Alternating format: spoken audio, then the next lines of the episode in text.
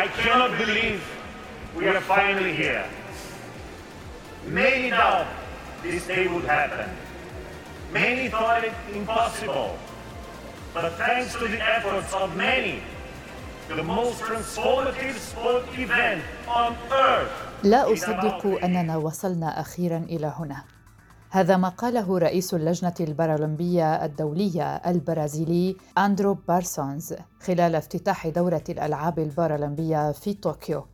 وعن هذه الدورة ستكون حلقتنا اليوم من بودكاست في عشرين دقيقة وسنحدثكم على وجه الخصوص حول المشاركات العربية والجوائز في دورة 2020 أهلا بكم معكم براء صليبي. أعلن إمبراطور اليابان ناروهيتو يوم الثلاثاء الرابع والعشرين من أغسطس آب أعلن افتتاح دورة الألعاب البارالمبية خلال حفل في الاستاد الوطني في العاصمة طوكيو. في ذلك الحفل الخالي من الجماهير في إطار الإجراءات الوقائية المرتبطة بكوفيد 19 أعلن افتتاح دورة الألعاب التي تستمر حتى الخامس من سبتمبر أيلول المقبل بعد 16 يوما من اختتام الأولمبياد الصيفي.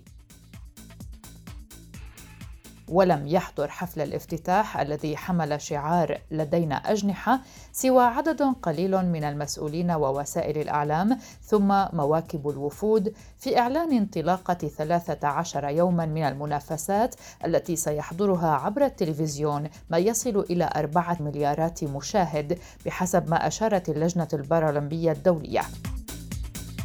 ويتنافس 4400 رياضي بارالمبي على 539 ميدالية ذهبية. من بينهم بعض النجوم على غرار لاعب الوثب الطويل الألماني ماركوس ريهم.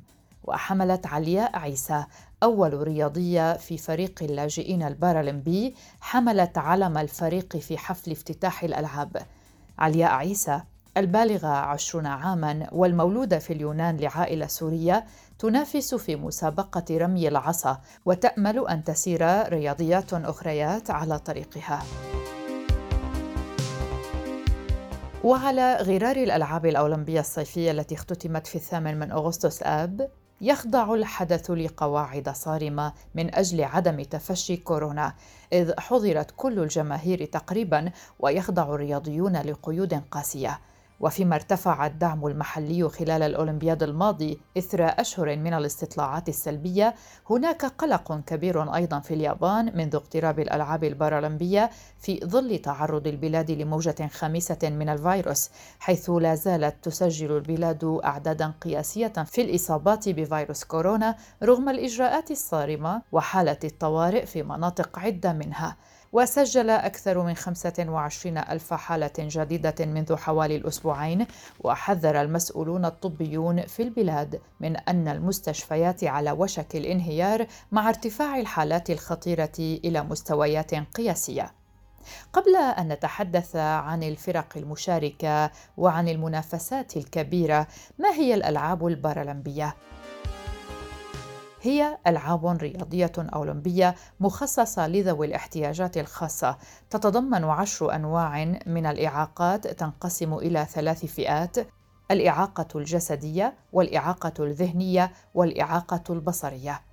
أما الفرق العربية في هذه المنافسات البارالمبية فتشهد هذه الدورة الحالية مشاركة 234 لاعبا ولاعبة يمثلون 18 دولة عربية. وتعد البعثة الجزائرية هي الأكبر عربيا من حيث عدد الرياضيين المشاركين في المنافسات البارالمبية إذ تضم البعثة 59 لاعبا ولاعبة يشاركون في خمس رياضات.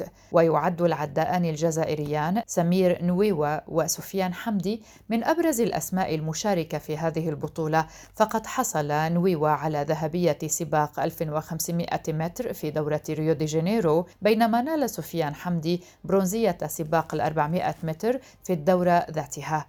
أيضا الجزائرية نسيمة صيفي الحائزة على ذهبية رمي القرص في دورتي لندن وريو دي جانيرو. سنتعرف إلى المزيد عن البعثة الجزائرية مع ضيفتنا الصحفية الرياضية الجزائرية خولة منصوري. أولا بالنسبة إلى المشاركة العربية في ألعاب البارا أولمبية بطوكيو والجارية فعاليتها بطوكيو اليابانية أعتقد أنه هي مشاركة قوية ب 18 دولة يمثلها 234 رياضي. بالنسبة إلى المشاركة الجزائرية. أقول أنها إلى حد الساعة موفقة بالميدالية الذهبية للجزائرية شيرين آه، عبد اللاوي مصارعة الجيدو التي أحدثت المفاجأة في البعثة الجزائرية آه، حيث لم يكن ينتظرها أحد بالتتويج بالذهب ولم يراهن عليها أحد لا الاتحادية ولا الوزارة ولا أي جهة معينة ولا حتى الإعلام. آه، أعتقد أنه آه، عربيا ميدالية آه، الأردني عمر قرادة كذلك صنعت الحدث اللي هي أول ميدالية عربية يعني فازت بها الدول العربية في هذه المنافسة. أعتقد أنه المشاركة العربية في الألعاب الأولمبية والتي أختتمت قبل 15 يوم بطوكيو للأصحاء. أعتقد أنه كانت مشاركة عربية موفقة في هذا المحفل الدولي الكبير. وننتظر أن تكون مشاركة مشرفة للعرب في هذه الدورة. أصحاب الهمم عودونا دائما على تشريف بلدانهم وعلى تحدياتهم القوية تحديات الإعاقة تحديات التحضيرات اجتهاد كبير من قبلهم. أعتقد أنه سننتظر إن شاء الله إلى نهاية الدورة نتائج مشرفة أخرى. بالنسبة للجزائر حتى وإن كانت شيرين عبد اللاوي صنعت الحدث بالميدالية الذهبية بعدما فازت على الكندية وعلى اليابانية في بلدها إلا أن الجزائر إلى حد الساعة ليست في مستواها الحقيقي لأنه رياضة ذوي الاحتياجات الخاصة في الجزائر هي رياضة مستواها مستوى محترم. يعني في كل مرة اعتدنا على آه، ذوي الهمم الجزائريين أن يكونوا دائما في المنصات في كل الاختصاصات إلا أنه حاليا إلى حد الساعة ولا إلى حد هذا التسجيل الصوتي أعتقد أنه آه، ربما ست ميداليات للجزائر أربعة برونزية فضية وذهبية. أعتقد أنه آه، هي ليست نتائج تعكس حقيقة مستوى رياضة ذوي الهمم في الجزائر. لو وضعنا مقارنة بسيطة فقط في 2016 البعثة الجزائرية عادت من ريو ب 16 ميدالية منها أربع ميداليات ذهبية. اليوم الوفد الجزائري مطالب يعني حتى بالعودة بنتائج مماثلة على الأقل آه، مثل نتائج طوكيو.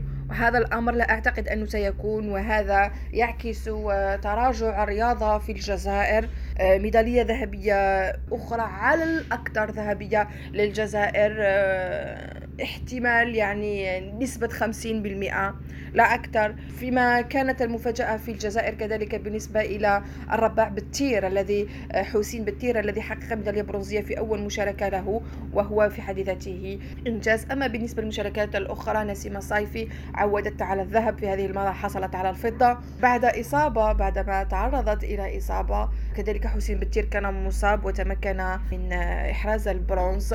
أعتقد أنه ليندا حامري في القفز كذلك تحصلت على ميدالية برونزية. هذه النتائج بصفة عامة للبعثة الجزائرية.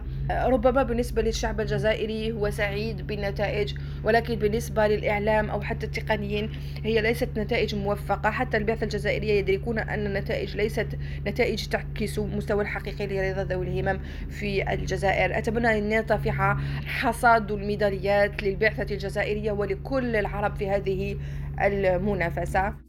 أما ثاني البعثات حجماً فهي البعثة المصرية التي تضم 49 رياضياً بينهم 40 لاعبة ويشاركون في ثمان ألعاب. من بينهم الرباع المصري شريف عثمان صاحب الرقم العالمي البارالمبي في وزن 59 كيلوغراما بوزن قدره 211 كيلوغراما والحائز على الميدالية الذهبية في الدورات الثلاث الماضية.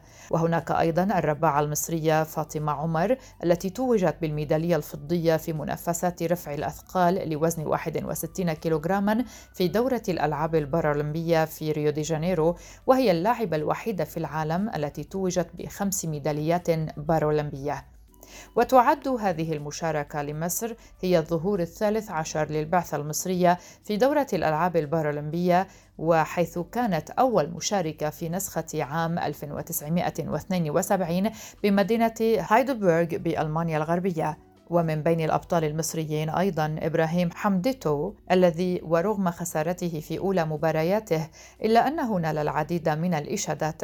وخسر حمدتو المباراة أمام الكوري كاي هونغ باريك بثلاثة أشواط وجاءت النتائج 6 11 4 11 و 9 11 واشتهر حمدتو بأنه أول لاعب في تاريخ دورة الألعاب البارالمبية يمارس رياضة كرة الطاولة مستخدما أسنانه.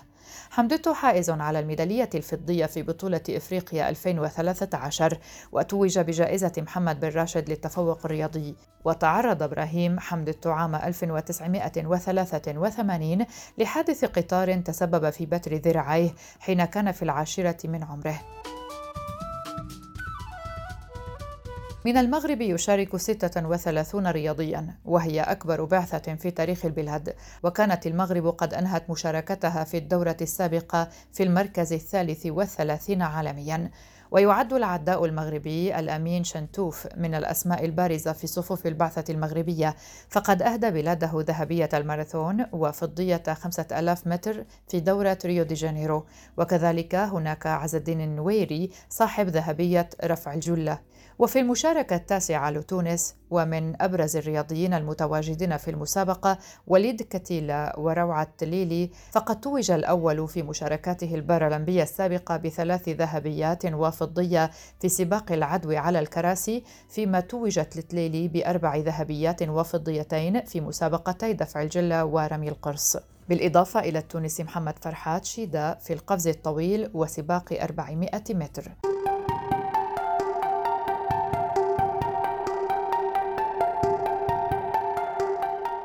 من الإمارات يشارك 12 رياضيا بينهم محمد القايد الحاصل على عدة ميداليات في منافسات العدو على كرسي متحرك حيث سبق له الحصول على الميداليتين الفضية والبرونزية لسباق 200 و100 متر في دورة لندن كما حقق الميدالية الذهبية في أولمبياد ريو دي جانيرو لسباق 800 متر عدو على كرسي متحرك. ومن الكويت يشارك البطل أحمد نقا المطيري صاحب ذهبية دورة الألعاب البارالمبية في ريو دي جانيرو لسباق المئة متر جري بالكراسي المتحركة وهو من رفع علم الكويت في حفل الافتتاح. أما الأردن فيشارك بعشرة لاعبين ومنهم جميل الشبلي الذي نال الميدالية البرونزية في رفع الأثقال لوزن 107 كيلوغرام وعمر قرادة الذي يعد أحد الأبطال المعول عليهم إذ حصل على ميدالية فضية في رفع الأثقال في وزن 49 كيلوغراما في دورة ريو دي جانيرو. وكذلك حصل على أول ميدالية ذهبية عربية في الألعاب البارالمبية لهذا العام طوكيو 2020 وهي الأولى لبلاده وللعرب وذلك يوم الخميس الماضي.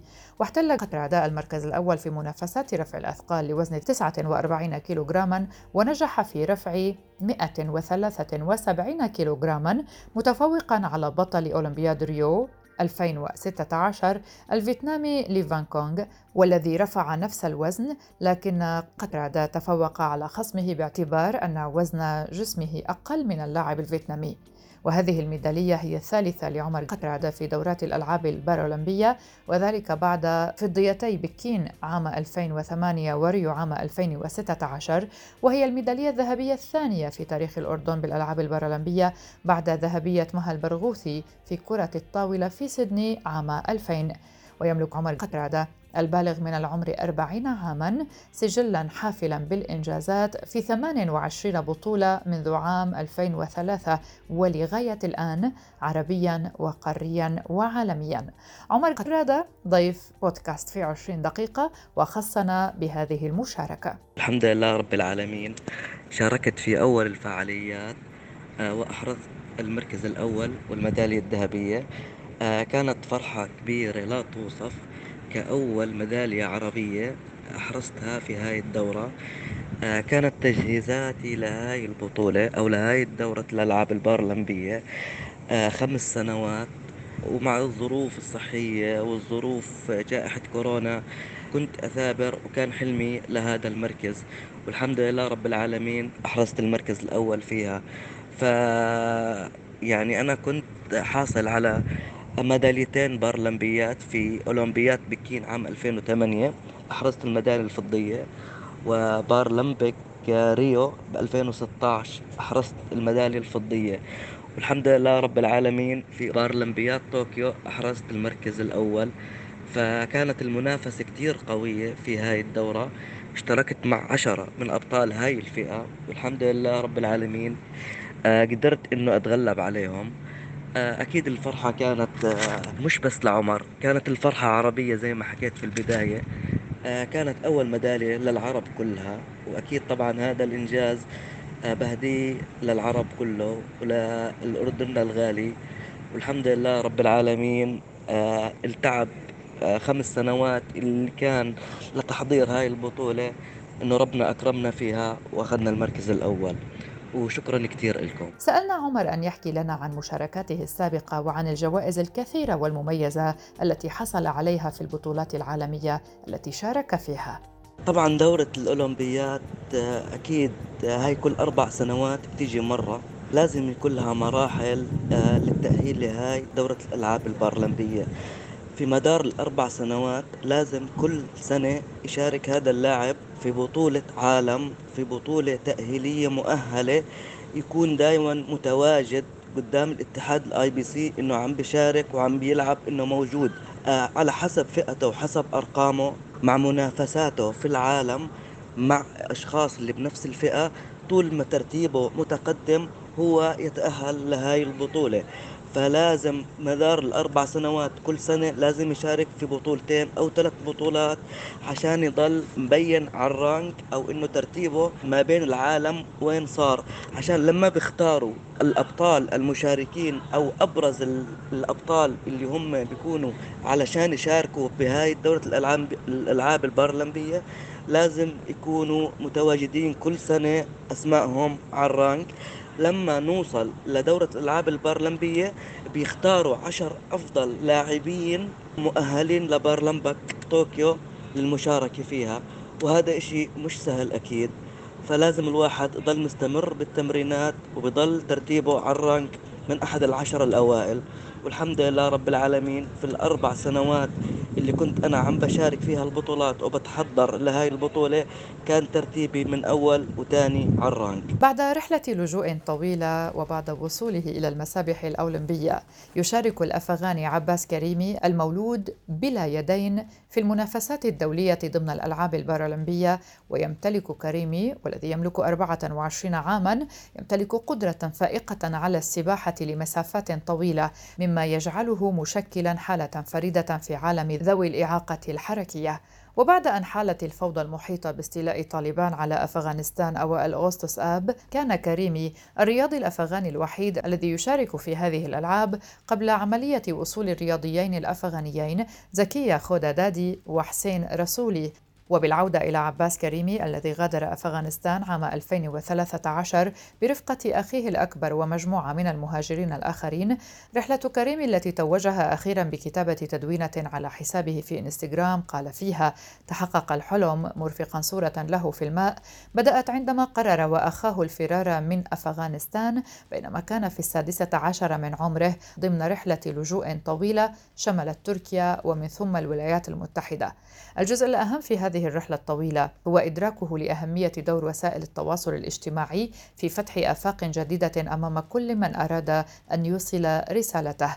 إذ قرر إطلاق حملة لدعمه ومساعدته للمشاركة في الألعاب البارالمبية وهو ما تحقق بالفعل بعد أن ساعده في ذلك مدرب المصارعة وكرة القدم المتقاعد في بورتلاند الأمريكية مايك إيفز ما مكنه من دخول الولايات المتحدة في 2016 كما ساعدته الحملة على إعادة التوطين كلاجئ في الولايات المتحدة بعد ثلاث سنوات من انطلاق رحلته التي بدأت من أفغانستان. وعلى الرغم من أن كريمي لم يستطع تحقيق إحدى الميداليات الملونة في بارالمبياد طوكيو إلا أن إليانا رودريغيز رئيسة فريق اللاجئين صرحت أن كريمي وجه رسالة أمل كبيرة. وانضم كريمي إلى فريق للسباحة في بورتلاند وسجل نقاطا كثيرة في المسابقات التي خاضها واستمرت مسيرة البطل الأفغاني بعدما فاز بالميدالية الفضية في سباق الخمسين متر فراشة في العام 2017 في بطولة العالم للسباحة في مكسيكو سيتي ممثلا فريق اللاجئين وحل سادسا في بطولة العالم 2019 في لندن في سباق أيضا الخمسين متر فراشة. هذه كانت حلقة بودكاست في عشرين دقيقة لهذا اليوم. شاركتني في إعداد هذه الحلقة صديقتي وزميلتي الصحفية يلا فهد. كنت معكم براء صليبي إلى اللقاء.